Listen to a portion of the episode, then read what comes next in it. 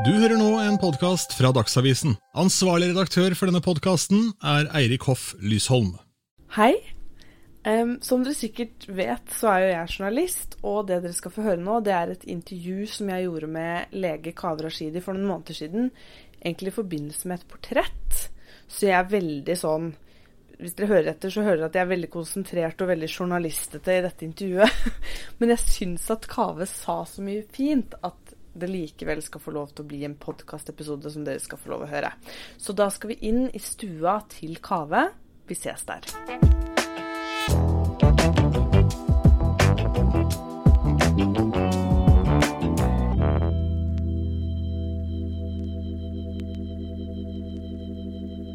Hei, Kave. Hei. Hei, nå sitter vi i stua di. Hvis du har lyst til å si liksom, Jeg vet det er litt sånn vanskelig spørsmål å få, men hvem du er? Nei, jeg er Kaveh Rashidi, da. Jeg er eh, fastlege og eh, en fyr som ofte skriver ting steder. Eh, Forfatter og skriver i Aftenposten. Ja. Det er den korte versjonen. Lege og samfunnsdebattant, på en måte? Ja. Hvordan var din vei liksom inn i offentligheten? Jeg vet egentlig ikke hvordan det skjedde. Men jeg tror ikke det var Jeg føler mange folk som er i media, ble eh, kjent over natta. Mens jeg har på en måte drevet og skrevet i mange år, jeg. Og så har det liksom sakte, men sikkert bygga seg opp til at jeg er en sånn type som blir invitert på kjendisreality. Hva føler du om den rollen? Og så skulle liksom Kjendisreality, eksempel. Det, må jo, det spriker jo sikkert litt fra din vanlige arbeidshverdag. Så lenge jeg syns det er stas, så er det litt sånn samme Det er ikke så farlig for meg, og jeg kan godt være med på ting bare det er gøy. Jeg tenker ikke at man mister legitimitet som lege fordi man eventuelt er med på Skal vi danse, på en måte. Hvilket jeg ikke kommer til å være med på noensinne. Har du blitt spurt?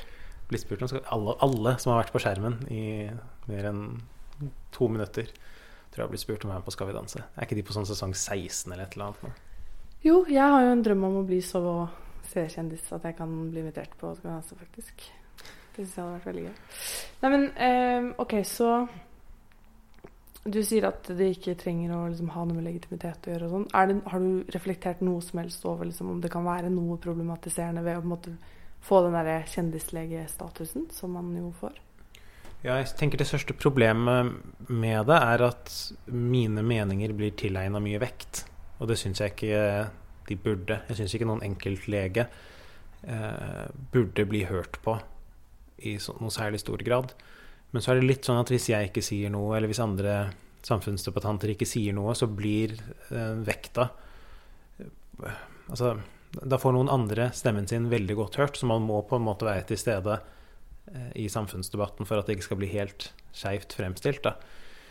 Men jeg syns det er veldig dumt at folk på en måte spør meg hva syns du om fastlegekrisen, eller hva syns du om den, den medisinen, eller hva syns du om koronavaksinen, eller For jeg er bare én person, så jeg har ikke så veldig mye eh, grunnlag, og det har ingen enkeltperson til å si noe sånn veldig stort om den type spørsmål som ofte medier og journalister har lyst til å få veldig bastante, store svar på. Da.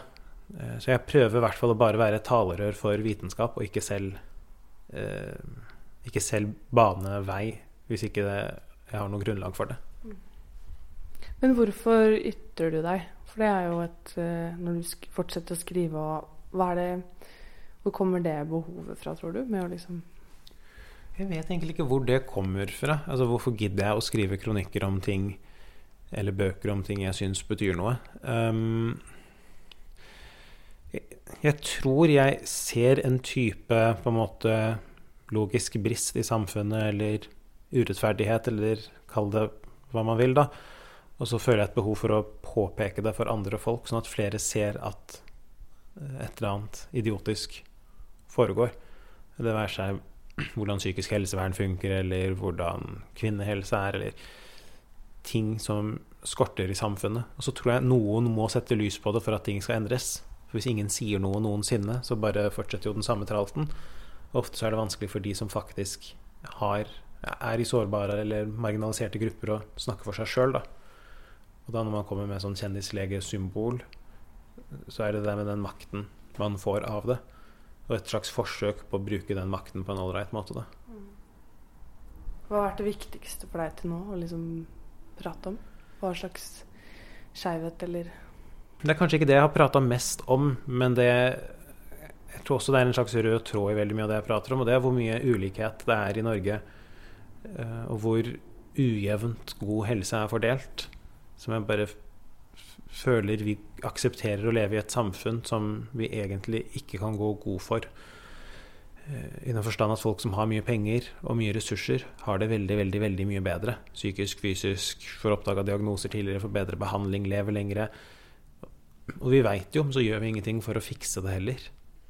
Jeg opplever jo at jeg har muligheten og tilgangen til veldig mye finere ting for meg selv, bare pga. Uh, lang utdanning og høy inntekt. Det kan være noe så basic som hva slags skole ungen min kan gå på. Uh, jeg bor i en del av Oslo hvor det er veldig fine skoler og veldig lite ungdomskriminalitet. Uh, Skårer veldig høyt på nasjonale prøver. Så kan man gå tre kilometer, kanskje fire kilometer østover, og så er situasjonen en helt annen, for da er man på andre siden av Akerselva. Uh, nå er jeg også oppvokst i Oslo, da, og da var jeg oppvokst på liksom, verste Oslo øst. Så jeg har opplevd den verdenen også. Hvordan var det du vokste opp da? Hvordan var uh hvordan var privilegiene da? Var det like privilegert da? Nei, for, for foreldrene mine hadde jo ikke så mye eh, penger, holdt jeg på å si. De kom jo til Norge bare noen få år før jeg ble født, med ingenting. Mm. De flyktet, eller? Flyktet fra Iran, ja. Um, men jeg opplevde ikke min oppvekst som noe særlig eh, manglende av noe som helst, egentlig. Jeg tror de klarte å liksom fake at det gikk greit at jeg hadde alle de tingene jeg hadde, da. Og da tenker jeg sånn eh, aktiviteter som de uh, fikk oss på. Typ fiolintimer, pianotimer, basket, tennis, fotball, hockey. Altså hva er det jeg ikke har fått tilbud om i oppveksten. Um, men så veit jeg jo også at mamma jobba som sykepleier typ dobbeltvakter gjennom hele oppveksten, med en pappa jobba dag og natt for å liksom kompensere eller klare å ha råd til de tingene. Da. Hvor jobba han? Han jobba på Gardermoen, han var ingeniør. Mm. Så han også bare jobba sånn Begge de jobba bare 24-7. Det er min hukommelse. Mm. Det var veldig sjeldent vi var alle sammen. Men de hadde jo tre barn, og alle skulle liksom gjøre så sinnssykt mye greier. Og ha veldig mye muligheter. Jeg hørte et sted at du, du har sagt at du ikke hadde en sånn veldig typisk norsk barndom. At dere ikke feiret jul. Mm. Um, at du ikke gikk på skolen? Barneskolen? Jo. Jo, jeg gikk ikke i barnehage. Barnehage gikk du ikke på. Mm. Og så gikk jeg på en privat barneskole. Um, ja, nei, jeg merker i hvert fall nå med egen unge at jeg har jo ikke gjort veldig mye av de greiene jeg sikkert burde ha skjønt. Jeg, jeg har aldri liksom sett på barne-TV. Vi så ikke på liksom NRK. Det var alltid sånn Cartoon Network eller noe helt annet. Juleverksted. Og når man ikke er i barnehagen, så får man jo virkelig ikke man deltar jo på en måte ikke i samfunnet som barn. Um, Hva andre ting var det du ikke gjorde? Alt som liksom var sånn klisjé-norsk, på en måte. Typ Alltid hvis det var skidag på skolen, så var jeg i den gruppen som eh, gikk tur fordi vi ikke hadde lært å gå på ski. Eh, eller vi hadde jo det. Jeg husker jo at vi gikk på skikurs og sånn, men det var liksom ikke noe kultur for det i familien. Så det var ikke sånn Det var ikke mulig å følge det opp, eller at det ble en slags Vi gikk aldri på tur med familien. Eh, Ferie og sånn, da? Sånn typisk flashy ferier, holdt jeg på å si. Spart kjempemye og dro til Paris eller eh, til Disney World i USA. Så mye sånn fancy ferier, men aldri hytte. Aldri liksom skjærgård. Aldri typisk norske ting i oppveksten. Ikke som jeg kan huske, i hvert fall. Men det, altså, det, gjelder, det, er så mange detaljer, så det er vanskelig å liksom si akkurat hva det var uh, med den kulturkrasjen. Men uh, det kan være noe så enkelt som at uh, jeg var redd hunder alltid. Fordi mamma, og pappa hadde jo ikke hund, og de kom fra et land hvor hunder var på en måte farlige dyr på gata. Så når jeg da ble eldre og ble sammen med min kjæreste, noen som alltid har hatt hund så er det jo bare kjemperart. Jeg, jeg kommer jo ikke godt overens med den. Det tar meg jo kjempelang tid å bli vant med at liksom, en hund er en fin del av hverdagen. Kunne de andre barna spotte den annerledesheten? Jeg vet ikke. Jeg, jeg, um, på barneskolen så tror jeg jo på den der private barneskolen, og der var alle veldig annerledes. For jeg følte det var sånn Folk fra hele verden som ville ha et privat tilbud til barna sine, sendte de der. Så vi var bare en sånn rar gjeng med veldig mye eh, underlige familier. Da jeg bytta over til offentlig skole, eh, rett før jeg begynte på ungdomsskolen, så tror jeg at man merka veldig at jeg ikke passa like godt inn, for jeg var ikke liksom med på de samme greiene. Så på ungdomsskolen og videregående og sånn, så var det tydelig at jeg liksom skilte meg ut og ikke liksom passa inn med gjengen. Men så kom universitetet, da, og da var det andre ting. Da var det liksom veldig skole som gjaldt. Og der var jeg jo kjempeflink. Så der var det ikke noe Der passa jeg fint inn. Hvordan var det sosiale på ungdomsskolen, da? Hadde du venner og sånn? Så å si ingen, fordi da flytta vi. Vi flytta fra Oslo øst til Oslo vest. Og så var det Jeg var den eneste eh, i klassen som ikke var lys i huden. Um, og det var en sånn fin, fin skole på Oslo vest. Så i den klassen så tror jeg liksom ikke jeg hadde Det var i hvert fall ingen jeg hadde vært sammen med etter skoletid eller i helgene eller noe sånt. da. Um, det var bare ikke et miljø jeg passa så godt inn i. Men jeg tror ikke foreldrene mine heller skjønte det da de flytta fra Oslo øst til Oslo vest, hvor mye det har å si hvor annerledes alt var. Sånn Med en gang vi flytta alle der, liksom drakk rusbrus og hadde mobiltelefon og Det eksisterte jo ikke der vi kom fra. Så jeg, det, det, var liksom all verdens kulturkrasj med en gang. Mm. Men drakk du rusbrus og sånn da, eller holdt du deg liksom i bakgrunnen? Jeg, skjønte, jeg husker den første festen jeg ble invitert på. Da skjønte jeg ikke at konseptet alkohol eksist... Det var i niende klasse, så da var jeg vel sånn gammel er man da? 13-14-15 år gammel? Noe sånt. Eh, og så var det nabo, naboen min som inviterte meg med. Vi bodde liksom rett ved hverandre uh, og gikk i samme klasse. Uh, og jeg var ny. Så da var det liksom ja, nei, vi skal møtes nede ved et eller annet sånn gresslette sted og henge. Og så kom han og henta meg, og så klirra det veldig fra en sekk han hadde med seg, og det tenkte jeg jo ikke noe over. Og så møtte vi moren til en annen i klassen på veien, og var så, han var så sjukt på å skjule det som var i sekken, og at det ikke skulle klirre. Det skjønte jeg heller ingenting av.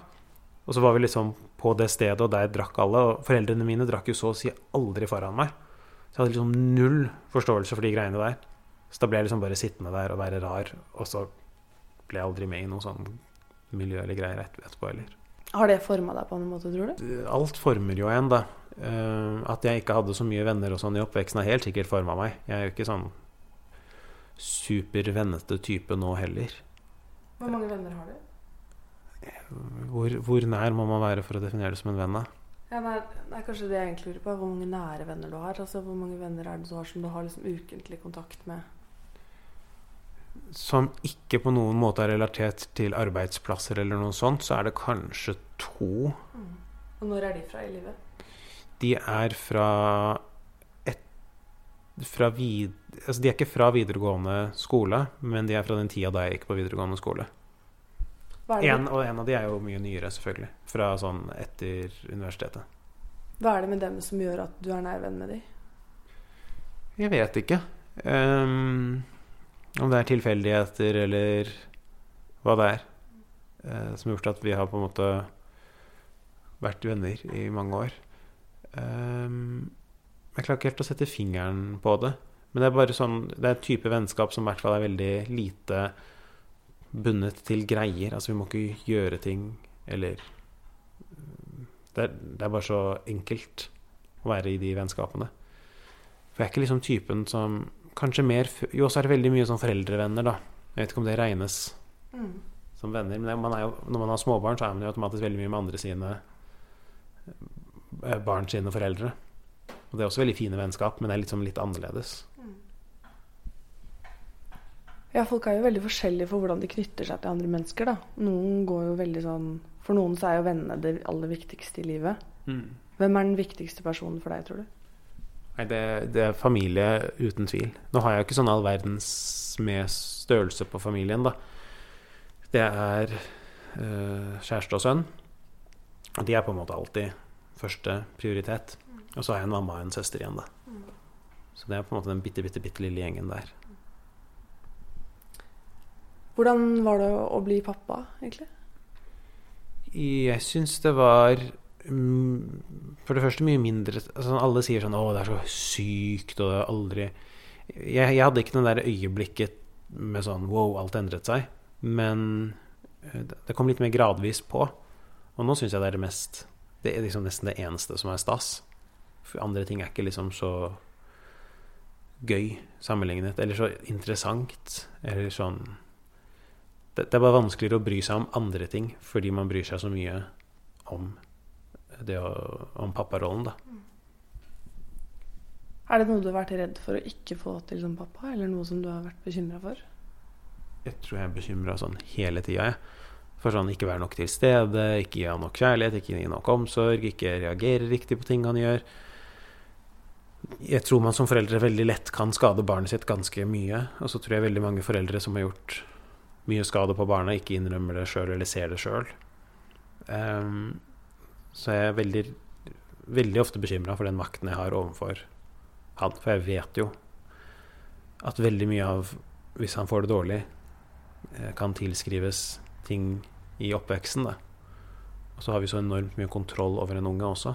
Alt er jo bestemt av oss. Um, uten at vi egentlig har noen spesiell kompetanse eller opplæring til det. Så man bare gjør sitt beste å krysse fingrene for at de ikke blir for skada, på en måte. Mm. Så er du nervøs, pappa, liksom? Sånn ikke klatre i det treet Eller han er jo så liten at han ikke har begynt å klatre i trær, kanskje? Men. jo da, men han uh, klatrer Nei, jeg er sånn medium, tror jeg. Alle førstegangsforeldre tror jeg er mer nervøse. Mm, men sånne ting er ikke så farlig. Jeg er også, han tåler å falle og slå seg og sånne ting. Mm. Det er ikke jeg så bekymra for. Jeg er mer sånn bekymra for de store linjene. Sånn skaper vi en trygg et trygt miljø hjemme hvor han føler seg elsket, eller hvordan skal vi sørge for at han eh, blir, et, blir, snill mot andre barn? Hvordan skal vi passe på at han får venner og får, føler mening? Hvordan skal vi gi han positiv tilbakemelding når han gjør bra ting? Det er mer sånn litt diffuse greier jeg er bekymra for. Vanskeligere å liksom sette fingeren på og fikse med raske tiltak. Da. Mens sånn klatre i trær er ikke noe stress, for det er bare å ikke ha et tre han kan klatre i i nærheten, på en måte. Du snakket om det der med å ha et trygt miljø og føle seg elsket. Og hvordan var det i din barndom? Jeg tror jeg hadde det veldig trygt i min barndom, sånn hjemme. Med en veldig følelse av at foreldrene mine brydde seg veldig mye. Om noe for mye. Det var liksom, de var der 24-7. Um, ehm, så det er også et mål. Det er kanskje sånn helt øverst på lista over mål at her hjemme det, skal det alltid være veldig trygt. Og alltid være kjærlighet og alltid være forståelse for alt. Og så vil det forhåpentligvis skape en trygg og fin person som klarer da å møte verden aleine seinere. Du snakket om, eh, om de familiemedlemmene som er igjen. Du har jo opplevd ganske mye sorg, vil jeg regne med. Du har mistet faren og søsteren din. Mm. Hvordan, hvordan er den sorgen nå? Den kommer i sånne uh, perioder. Um, i, sånn når det er ting. Sånn som det var nylig bursdagen til søstera mi. Og det er alltid en veldig, veldig trist dag. Um, og da kjenner man på alt mulig slags ting. Um, Hva da? Nei, bare savn og sorg. Um, så har man jo liksom hverdag. Så selv om det ikke blir borte, savnet så klarer man i hvert fall å Eller jeg i hvert fall å gjøre andre ting. Um, for det er jo det man må. Man må jo liksom pakke matpakker, få en unge i barnehagen, gå på jobb, eh, støvsuge hjemme. Man må gjøre ting. Og så gjør man bare det parallelt med at det er noen arr i livet, da. Hvordan var hun, søsteren din? Nei, hva skal man si? Jeg vet Jeg, jeg, jeg, jeg klarer liksom ikke jeg, har aldri klart å Eh, beskrive henne noe særlig. Så tenker jeg litt at eh, hvordan hun var. Jeg kan i beste fall si hvordan jeg syns hun var, men det også er litt sånn Jeg vet ikke. Jeg vet ikke hvordan jeg skal beskrive det. Egentlig. Relasjonen deres, da? Veldig god, nær relasjon. Være alltid god Eller sånn utenom da jeg var i puberteten, liksom, hvor vi bare krangla. Men sånn i voksen alder så var vi alltid veldig gode venner. Har du et minne om henne? Så er det noen ting i min erfaring så er det ofte noen ting som måtte spilles av på nytt og på nytt. Øyeblikk, ja. eller Nei, det er fortsatt i mitt hode såpass ferskt. Det er fem og et halvt år siden hun gikk bort. Så veldig mye, hvis jeg prøver å tenke på henne, tenker jeg mye på sykdomsdelen av det. Det er mye som ligger i den tida der, for hun hadde jo kreft veldig lenge. Um, mens gode, de gode minnene ligger fortsatt litt sånn lenge bak i tid, eller hva man skal si. Eller alltid med litt sånn sykdom på toppen. Fordi faren din hadde, han ble også syk, han hadde også kreft. Ja. Jeg hørte på et intervju med deg hvor du snakket om at um, du tok en del sånne legevaktvakter etter Mm. at han døde. Fordi da, da trengte du ikke å forholde deg til folk så lenge av gangen. Det var litt Mm. mer Er det liksom typisk for åssen du håndterer liksom vanskelige ting i livet? At du liksom At du trenger å trekke deg litt tilbake, eller å Jeg tror i hvert fall jeg ignorerer problemene veldig ofte. At hvis det er et eller annet som ikke er bra, så er jeg glad i å bare gjøre andre ting. Og så ikke møte, møte problemene, da. Bare liksom Jobbing er jo kjempegreit sånn sett. Man kan jobbe i det uendelige når man er lege. Det fins liksom ikke noen grense på hvor mange timer man kan jobbe, hvor mange vakter man kan ta, og hvor mange netter man kan liksom være oppe og ha pasienter. Um, akkurat det har jeg faktisk slutta med. Legevakt? Ja. Jeg, jeg må ha hatt en eller annen rekord. Jeg fikk en attest her om dagen, på, bare sånn fordi eh, Når man blir spesialist, så må man liksom skrive hvor mange ganger man jobba legevakt, og så er det et krav om å ha jobba 40 legevakt, som er en del. Og så bare fikk jeg en attest bare for å se hvor mange jeg har jobba, og jeg hadde jobba sånn 650. Eh, så jeg har jobba sjukt mye. Og i legevakt er liksom litt sånn hjernedødt. Ikke hjernedødt, men det er liksom veldig repetitivt. Du møter jo bare folk i 10-15 minutter, og så møter du dem aldri igjen. Som fastlege så liksom har du et ansvar for folks helse over tid. Så det var litt sånn Jeg vet ikke, Det er ikke den verste mestringsstrategien i verden. Altså Jeg kunne ha begynt å drikke eller ruse meg eller skade meg eller noe sånt. Men det var bare et eller annet når du kobler deg Når du går på legevakt, så er det sånn Og det var mye sånn legebilkjøring og blålys og akutte ting. Så bare Man fjerner seg litt fra verden, og så er man i en helt annen verden. Og i den andre verdenen så er ting litt mer logisk, og man har kontroll over ting. og I hvert fall i den legeposisjonen, for da er man liksom øverst i det hierarkiet. Ja, Så jeg brukte helt sikkert legevakt masse sånn terapeutisk for meg sjøl. Hvorfor slutta du med det, da? Jeg har ikke noe behov for det lenger. Jeg vet ikke hva som Jeg bare Jeg bare ble drittlei. Det bare ble sånn helt over natta. Dritsur på bare jobben og hele ideen. Og så bare gadd jeg ikke. Så det gikk som et knips for å jobbe kjempemye. Legevakt til å være sånn Hvorfor i alle dager bruker jeg tiden min på dette her? Jeg har mye mer lyst til å ha tid med familie og andre ting. Egne prosjekter som jeg liker. Skrive, lage podkast, gjøre ting jeg syns er gøy med fritiden min, heller enn å gå og jobbe legevakt for å tjene penger, eller fjerne meg fra noe greier i livet, eller hva det måtte være. Hva er det mest sånn avgjørende øyeblikket i livet ditt, tror du, til nå? Avgjørende hvordan da, sånn øh, som har bestemt at jeg er der jeg er. Eller som har endret noe, eller eh, Ja, kanskje. Eller um, Ofte så føler jeg at man har noen øyeblikk i livet som bare snur alt, eller som Ikke nødvendigvis karrieremessig, eller, men kanskje følelsesmessig. Um, nei, jeg tror det er søstera mi som gikk bort, som er det. Um, jeg tror absolutt alt som eksisterer i livet mitt nå, er påvirket i veldig, veldig stor grad av det. Hvorfor det, tenker du? Nei, jeg kan ikke finne én måte hvor det ikke påvirker noe. Ehm, Jeg tror ikke jeg hadde vært sammen med samme person, kjæreste, hvis det ikke hadde vært for det som skjedde. Ergo ikke fått samme sønn. Hadde ikke jobba med de samme greiene. Hadde ikke eh, følt det jeg føler om verden, om meg selv, om mening med livet, alt. Ingenting som ikke har blitt påvirket eh, av den sykdommen i mitt liv, tror jeg. Hvorfor hadde det noe å gjøre med, med kjæresten din? Uh, Kjæresten min vi, vi møtte, Hun var bestevenn til søstera mi. Så vi møttes på en måte mye øhm, hjemme hos søstera mi og i sånn den tiden hun var syk, da. Det var da du ble kjent med henne? liksom? Mm. Når ble du forelsket i henne? Mm, jeg vet ikke. Det var så mange følelser samtidig. Så det er så vanskelig å skille mellom hva som er hva. For vi var ikke, liksom, vi var ikke kjærester eller noe sånt da søstera mi gikk bort. Eh, Men visste søstera di noe om dette? det, det er ikke så lenge siden jeg, jeg satt og leste meldinger eh, fra, som søstera mi hadde sendt til meg om, eh, om Aina, da, som er uh, kjæresten med en venn hennes. Og da skrev hun sånn uh, For jeg hadde akkurat blitt singel. Og så skrev jeg til søstera mi et eller annet sånn Du må ikke stresse noe om meg og Aina. Det er ikke, liksom, det er ikke noen greie der. Og så svarte søstera mi at et eller annet sånn ja, men Aina er altfor bra for deg uansett. Og sånn kødda. At hun fortjener en mye bedre person enn noen av oss. Et eller annet sånt. Um, men jeg vet ikke. Jeg tror hun var ekstremt overbeskyttende og redd for både meg og henne.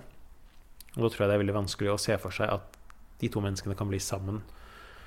Og en familie sammen og sånne ting. Um, Hva tror du hun hadde tenkt om det nå, da? Hvis hun visste at dere har fått barn nå? Jeg vet ikke. Hun var eh, eh, bare et godt og varmt og kjærlig menneske, så jeg tror ikke det hadde vært noe som helst annet enn hygge og glede. Men jeg tror det hadde vært noe som eh, man må venne seg til.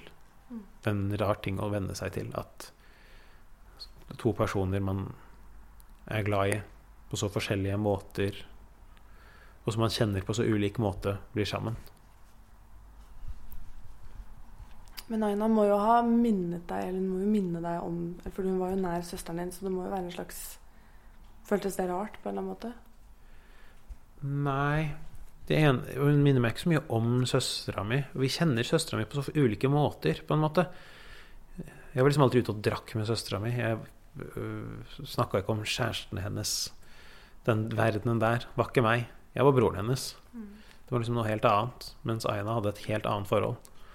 Um, men jeg tror ikke jeg kan være med noen som ikke forstår uh, viktigheten av alle de greiene der, da. Av søsteren din? Ja, og alt det jeg har gått gjennom i den tida og sånn, betyr så mye. Ehm, og det, det er det liksom bare Aina som kan forstå. Men husker du hvordan dere ble kjærester? Hadde dere et sånt øyeblikk hvor dere skjønte at det var noe mellom dere? Nei, jeg tror ikke vi hadde et sånt øyeblikk. Vi bare var sammen hver dag. Ehm, ja. Vi bare var sammen hver dag etter at søsteren gikk bort. Men når, når ble dere kjærester, da? Jeg vet ikke. Jeg tror ikke vi har hatt den praten noensinne. Første gang dere kyssa, da? Og det husker jeg ikke. Gjør du ikke? Nei. Jeg har ikke peiling. Ja, det er interessant. Ja, det var sikkert i eh, Det var garantert i en tid hvor jeg var altså sånn Mengden lei meg jeg var etter at søstera mi gikk bort, er så ute av verden at jeg husker generelt sett veldig lite fra den tida. Um, Det må ha vært rart å blande den enorme sorgen med forelskelse. ja, det var sikkert rart, men jeg klarer ikke å fortelle deg hvordan det var, for jeg husker det ikke. Jeg, jeg klarer liksom ikke å huske uh, hvordan det var å eksistere på den tiden. Og det var jo lenge før jeg uh, var et offentlig menneske på noe vis. Uh, så jeg, jeg delte det ikke med noen. Det var ingen som egentlig reagerte så veldig på at jeg forsvant. Litt sånn fra jordens overflate. Um, Hvordan forsvant du?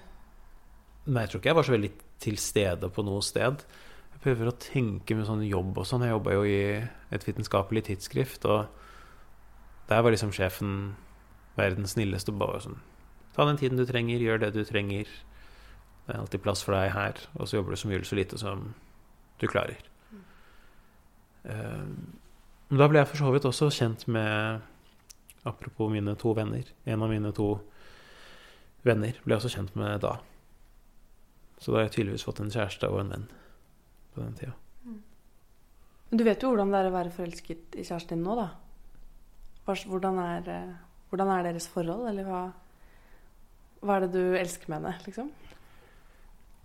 Nå for tida så tror jeg det som er Når man har sånn småbarn, så, så dreier så mye av det man elsker i partneren seg, om hva man ser i partneren som foreldre. Um, jeg tror litt av det som har gjort at vi har det så bra nå, er også det at vi hele tiden finner eller jeg i hvert fall hele tiden finner nye egenskaper og ting i henne. Men akkurat nå så føler jeg at veldig mye av det som betyr mest, er bare hvor flink mor hun er. Og hvor liksom bra hun er med Albert. Man blir jo helt sånn manisk opptatt av ungene sine. Mm. Og så er det også, tenker jeg også når man er småbarnsfamilie, liv er veldig lite søvn og mye sånn irritasjon og ugg. Eh, så man er nesten nødt til å finne de fine, positive tingene. Og liksom fokusere på det. Eh, og da er det veldig, veldig, veldig ofte den morsrollen med henne. Det høres litt sånn kjipt ut at jeg ikke elsker henne for at hun er kjæresten min, for jeg gjør jo det også. Eh, men det er bare veldig mye av det vi gjør, som er familierelatert. Og da blir det liksom morsrollen som betyr veldig, veldig, veldig mye, da. Men hvordan er hun som person, da? Hun er øh, Hun er veldig annerledes med meg, eller i, i, innad i familien, enn hun er sånn utad. Så hun er jo litt sånn det motsatte Hun sånn, hun har null interesse i sånn Hun har, hun har ikke ett bilde på Instagram, liksom. Eller hun gjør ingenting sånt utadvendt eller utadrettet. Um, hun er bare veldig, veldig snill og kjærlig. Så føler jeg at det er litt fint i en sånn tid hvor absolutt alt er ekstremt offentlig, at man har et forhold som bare er vår greie. At man ikke er begge to eh, i offentligheten, da.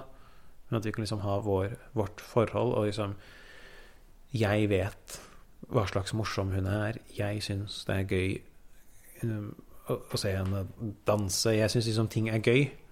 Men så trenger ikke hele resten av verden å vite om oss, på en måte, hvis det er logisk. Dere har noe eget. Ja, det er sånn, akkurat samme med barn, for så vidt. Um, jeg kan ikke tenke meg å eksponere ungen på sosiale medier og liksom involvere han i den verden. Det var veldig hyggelig å ha noe som ikke er kobla til eh, omverdenen via internett, på en måte. Mm. Men å leve i den der lille sånn Dette er familien vår, dette er barnehagen vår, dette er liksom vår indre krets. Eh, det syns jeg er litt digg, for jeg syns hele den internettverdenen er veldig slitsom og stressende. Mm. Har, du et, har, du et, savn i livet, eller noe du føler mangler nå? Der som du er nå i livet? Sånn store ting. Jeg savner å ha større familie. Jeg syns jeg har en litt liten familie. Det er det, det har jeg savna hele livet. Så det hadde vært fint å bare være fler. Oppi hodet mitt så ser jeg for meg å være en litt større flokk. En større gjeng. Handler det om savnet etter pappaen og søsteren din, tror du? Det tror jeg kom før, altså.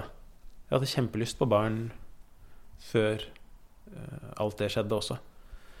Uh, men jeg tror heller om noe det handler om typen oppvekst jeg hadde. Fordi det var veldig mye familiemiddager og veldig mye Det var veldig fokus på den kjernefamilien. Og så har jeg også blitt sånn, eller så eventuelt født sånn, at jeg også har veldig veldig lyst til å ha den kjernefamiliefølelsen. Jeg blir veldig glad av liksom konseptet av å ha masse barn å styre og ordne med. Eh, og fotballtreninger og eh, slitsom hyttetur og alt mulig greier. Eh, jeg føler ikke at jeg er helt der enda. Både fordi jeg er ett barn, og fordi det er sånn alder hvor det egentlig bare for det meste dreier seg om å passe på han. Så jeg gleder meg veldig til han og forhåpentligvis flere blir en del av gjengen i litt større grad og kan fortelle sånn hvordan har dagen din vært? Hva har du gjort i dag? Hva har du lyst på i dag? Hva skal vi gjøre i helga? Hva har du lyst på til bursdagen din? Hva har du lyst på til jul? Sånne ting som det savner jeg veldig. Jeg vet at du um, Må jeg høre på God bedring? Ja. Jeg vet at du har vært åpen om det å slite med å få flere barn. Mm. Hvordan var det å liksom Fikk du noen respons etter at du snakka om det?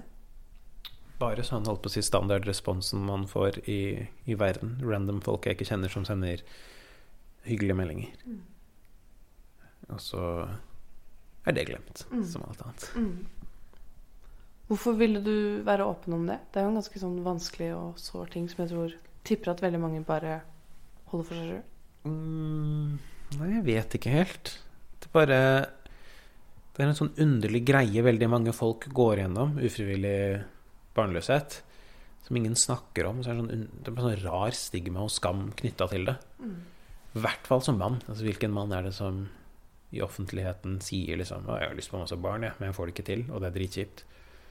Um, men jeg vet jo fra liksom legeperspektiv at det er dødsmange som sliter med det. Det er veldig vanlig å slite med å få barn, og at det påvirker livet veldig mye, da. Um, nei, jeg bare syns det var et fint tema å belyse. Jeg prøver jo det i podkasten å ta opp ting som betyr et eller annet. Det traff meg litt når du snakket om det der med ja, hvor vanlig spontanabort er, da. Eh, Mm. tidlig i svangerskapet. Og hvor mange som går gjennom det, og hvor lite man egentlig snakker om det. Og hvor tøft det kan være, da. Fordi man eh, Jeg føler at det finnes en forestilling om at man bare lager barn. At det ikke er noe problem. At Mm. folk snakker ikke om at det kan være vanskelig. da. Meg også tenker man veldig mye om det motsatte. Alle som er uønska gravide. Eh, Og det er jo også et eh, problem eh, for folk som syns det er vanskelig å være i den situasjonen. Så er det så rart, fordi man, jeg føler noen ganger nesten at det er annenhver pasient som, som fastlege som kommer til meg fordi de enten er uønska gravide og ikke vet hva de skal gjøre, eller ikke klarer å bli gravide og ikke vet hva de skal gjøre. Så det er bare sånn Det mangler balanse. Universet mangler balanse på akkurat det der. Eh, og jo mer man har prøvd å få barn uten å få det til, jo verre er sånne aborter.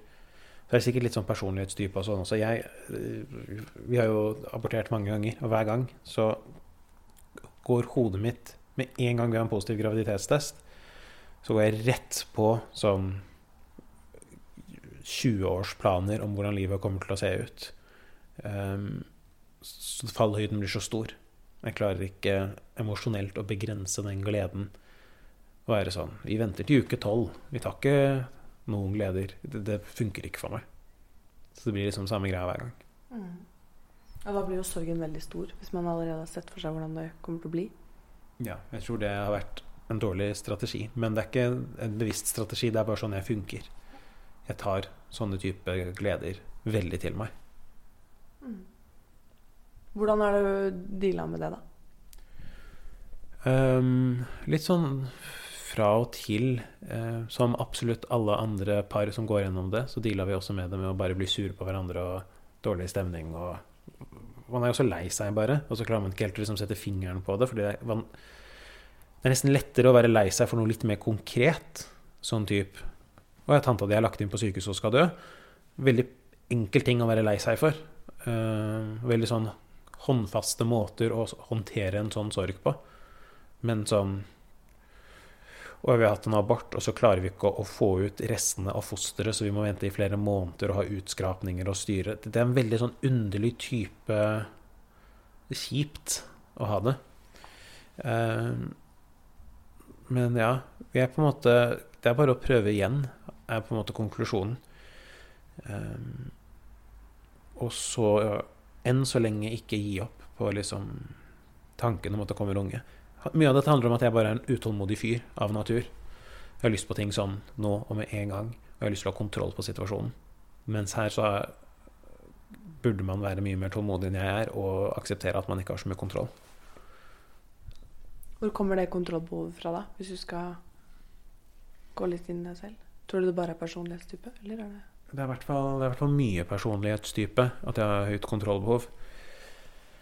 Og så er det sikkert litt sånn eh, jeg, jeg bare Jeg er veldig oppvokst med veldig mye realfag og matematikk og fysikk og kjemi, og det var de tingene jeg kunne og var god i.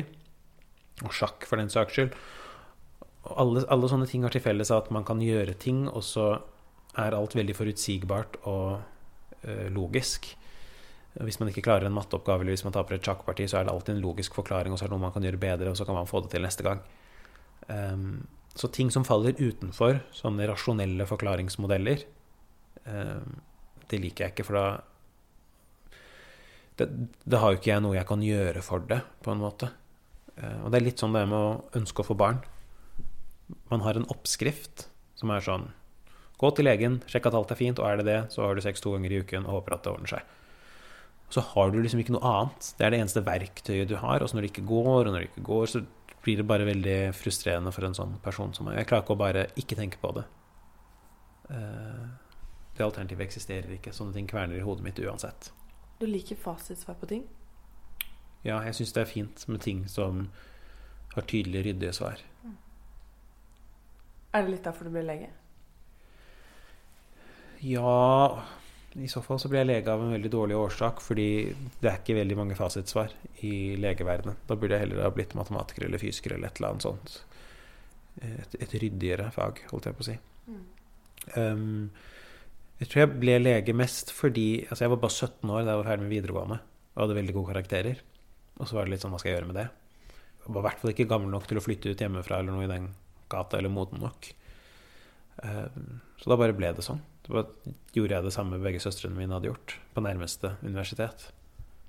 Um, men så har jeg på en måte snekra den utdannelsen til å passe meg godt i voksenliv, da. Jeg er liksom Jeg er jo ikke en standard A4-lege. Jeg gjør veldig mye ting med den kompetansen. Mm. Som lege så må man jo møte Man møter jo mange sånn skjebner, liksom. Mm. Hvordan har det vært å Hvordan har du forholdt deg til andre menneskers skjebner når du selv har gått gjennom så voldsom sorg, f.eks., eller ting som har skjedd i livet, eller å ikke klare å få barn, eller liksom, hvordan er det å da få en pasient som er ufrivillig gravid? Altså hvordan, hvordan er det skillet mellom liksom, ditt liv og deres, på en måte? Jeg, jeg prøver å skille det veldig, veldig, veldig, veldig. Fordi mine personlige meninger og erfaringer er ikke interessante i den verdenen der. Eh, men i den grad det lar seg påvirke, og jeg merker det, så tror jeg jeg merker det veldig godt når det er par som ikke klarer å få barn. Eh, der er jeg på en måte ekspert uten like på å vite akkurat hva som finnes av tilbud og muligheter, og hva man skal og ikke skal gjøre. Um, og alt som har med brystkreft å gjøre, siden vår søstre gikk bort, av. Så er jeg veldig sånn Man blir jo veldig obs på sånne ting. Fordi det sitter, det sitter, så langt fremme i hodet på meg. Men det tror jeg ikke er en bra ting. altså. Jeg, jeg prøver å være så objektiv og på en måte vitenskapelig korrekt som mulig. Men det er ikke alltid man får det til. Har du noen gang kreftpasienter? Ja, ja. Hvordan er det? Nei, det, det er kjipt. Kreft er kjipt. Uh, men de fleste dør jo ikke av det i ung alder. Man dør enten med det og av noe annet, eller så blir man kurert. Det er på en måte det vanlige these days. Mm. Så det går jo stort sett veldig fint.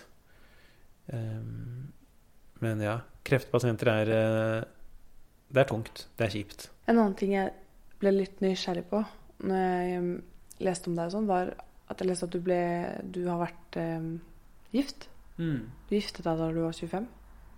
Ja, du har sikkert rett. Jeg husker ikke. Ja, det er sant. Det, er, det har jeg lest. så da må det stemme. Ja, Men du giftet deg ung, da. Mm. Jeg lurer litt på liksom, ditt syn på kjærlighet og sånn, om det ble forma noe av, av det å, å, gifte seg så ung og så skille seg? Ja, jeg tror det ble mer forma av å skille meg enn av å gifte meg. Um, vi skilte oss vel midt i da alt sto på som verst med søstera mi og pappa. Eller altså rett etter at pappa gikk bort, og halvt år, ikke det engang, før søstera mi gikk bort. Uh, så jeg var jo bare sånn kronisk ekstremt uh, psykisk i dårlig form på den tida. Um, ja. Og det er litt sånn Det sier noe også om hvor mye på en måte et ekteskap eller enhver relasjon, eller jo for så vidt venner også, eller familierelasjoner, hvor mye det tåler. Når én person har det ekstremt kjipt, så skal det veldig mye til av et forhold for å tåle den belastningen, da. Og så er det mange forhold, tror jeg, som kommer ut sterkere av den type ytre belastning. Eh, så er det andre forhold som ikke kommer seg gjennom det. Å skille seg, var det skummelt, eller føltes det som en nederlag, eller var det definitivt nederlag. Um, men søstera mi var liksom på dødsleiet da. Så jeg hadde ikke tid eller kapasitet til å på en måte være lei meg for det, fordi det var så ulik grad av sorg knyttet til de to prosessene. Uh, ja. Det er kanskje ikke så lett å skille de følelsene? Ja, jeg, jeg, tenker heller det var ikke lett for følelsene av skilsmissen å tre inn. Eh, søsteren min døde jo vel i juli. Og så tror jeg Jeg og eksen gikk fra hverandre i februar Og veldig, veldig veldig brått også. Det var liksom ikke snakk om å gå fra hverandre før, og så plutselig skjedde det i februar. Um, så det var veldig, veldig kort tid. Um, I februar, mars, juni, Ja, den våren der hvor søstera mi var veldig syk. Og da var det liksom det jeg hadde Det var det hjernen min fokuserte på. det. Mm. Hva er analysen av det i ettertid, da? Av skilsmissen? Ja. Nei, jeg tror jeg bare hadde det veldig, veldig, veldig veldig kjipt og tungt en lang periode der med de dødsfallene. Og at uh, det, den relasjonen ikke tålte alt det stresset. Det er litt som uh, foreldre, har jeg hørt, som uh, mister barna sine. Går veldig ofte fra hverandre. Sånn når barna dør, rett og slett. Um, fordi ja, Det er kanskje ikke det samme, fordi da vil man kanskje bare vekk fra eh, ting som minner, seg, minner deg om barnet. Jeg vet ikke. Det er sikkert ikke et godt eksempel. Eh, koronaen da, tror jeg også gjorde at mange par fikk det veldig mye bedre, og mange par gikk fra hverandre. For det kom liksom et ytre stress på. Eh, og da får man liksom testa den relasjonen og se om den tåler dette. Mm. Eh, samme hvis én person i et parforhold blir syk, da tåler parforholdet det? På et vis var det kanskje det som skjedde da min da jeg, I den perioden. Jeg var jo veldig nedfor og hadde det ikke noe bra. Men det tålte liksom ikke vår relasjon, tror jeg. Sånn uh, i et sånn framtidsperspektiv, har du noe sånn Hva er du redd for, hva håper du på, hva, både for deg selv og verden? Hva, liksom, hva skjer framover, tror du? Um, i verden så tror jeg det er klimating som fortsatt kommer til å være den store greia, og håper at et eller annet veldig drastisk skjer. Men jeg er litt sånn pessimist på det der. Um, jeg tror vi kanskje må venne oss til tanken av at det kommer til å bli store klimaforandringer som kommer til å gjøre livene til våre barn, og i hvert fall barnebarn, vanskeligere. For meg sjøl så veit jeg ikke hva fremtiden bringer. Jeg, jeg slutta på et eller annet tidspunkt for noen år siden å prøve å tenke så veldig langsiktig på ting. Um, håper på uh, bare at ting er fredelig og stille, og ikke noen sånne store ytre ting skal skje. Um, men hva jeg liksom kommer til å ende opp som Jeg tror ikke Jeg vet ikke. Jeg vet ikke hva jeg kommer til å jobbe som. Jeg vet ikke hva jeg kommer til å bli, eller hva fremtiden bringer. Men tror du ikke du kommer til å fortsette å være lege da?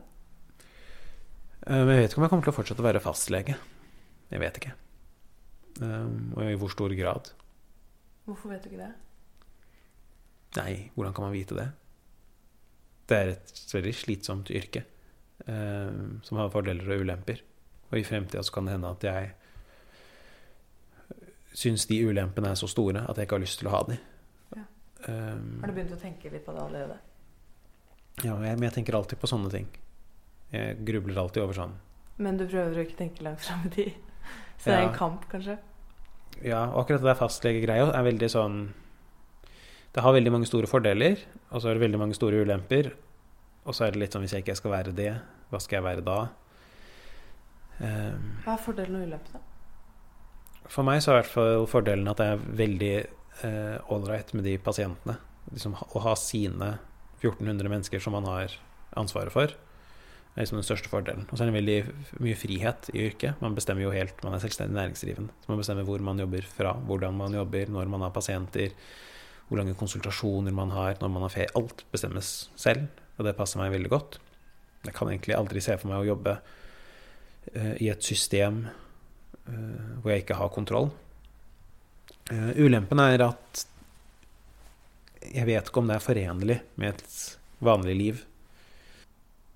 Ok, Vi kan avslutte med Er det noe du angrer på mm. i livet ditt? Hvis du kunne gjort én ting annerledes, hva hadde du gjort? Nei, si det. Uh, hvis det var én ting jeg kunne gjort annerledes, og det ikke skulle vært noe sånn uh, gjøre et eller annet så folk hadde oppdaget kreftsykdommen sin tidligere, så Jeg vet ikke. Jeg, jeg, Jeg har ikke sånn én spesifikk ting.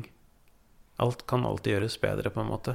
Hvis du hadde en sånn magisk kraft som du kunne gått tilbake til og endra på et eller annet i livet Hvis du så for deg at det var en slags film du kunne sette på pause og spole tilbake og si noe du ikke sa, eller gjøre noe du ikke gjør, er det én ting som kom, kommer Nei, da, da, tenker jeg bare på å spole tilbake før alle de kreftdiagnosene, og bare få orden på de sykdommene før det ble for mye. Um, I familien? ja. Det er egentlig det eneste. Hvem hadde du vært i dag, tror du, hvis de ikke hadde gått bort? Nei, det er ikke godt å si, ass. Det kan være hvem som helst. Det hadde vært veldig annerledes enn det det er nå, i hvert fall. Det tror jeg. Alt hadde vært ekstremt mye annerledes. Um, og så vet jeg ikke om det hadde vært bedre eller verre. Tenker du mye på det? Mer enn man burde, sikkert. For det er ikke noe jeg har kontroll over eller jeg kan endre. Så det er ikke noe vits i å drive og tenke sånn. Pluss jeg har det veldig, veldig, veldig, veldig, veldig fint, og jeg har eh, hatt så mye eh, hell i livet ellers, og har på en måte oppnådd alt av individualistiske drømmer. Eh, så det er ikke sånn at jeg kunne fått flere eller bedre ting. Men Nei, jeg vet ikke. Jeg vet ikke hvordan det hadde vært hvis uh, de ikke hadde blitt syke. Men om jeg så hadde mistet alt annet, så hadde det på en måte vært greit. Det hadde vært verdt det for at de skulle vært der, da. Mm. Tusen takk for praten, Gave. Det var veldig hyggelig. Bare hyggelig å være med.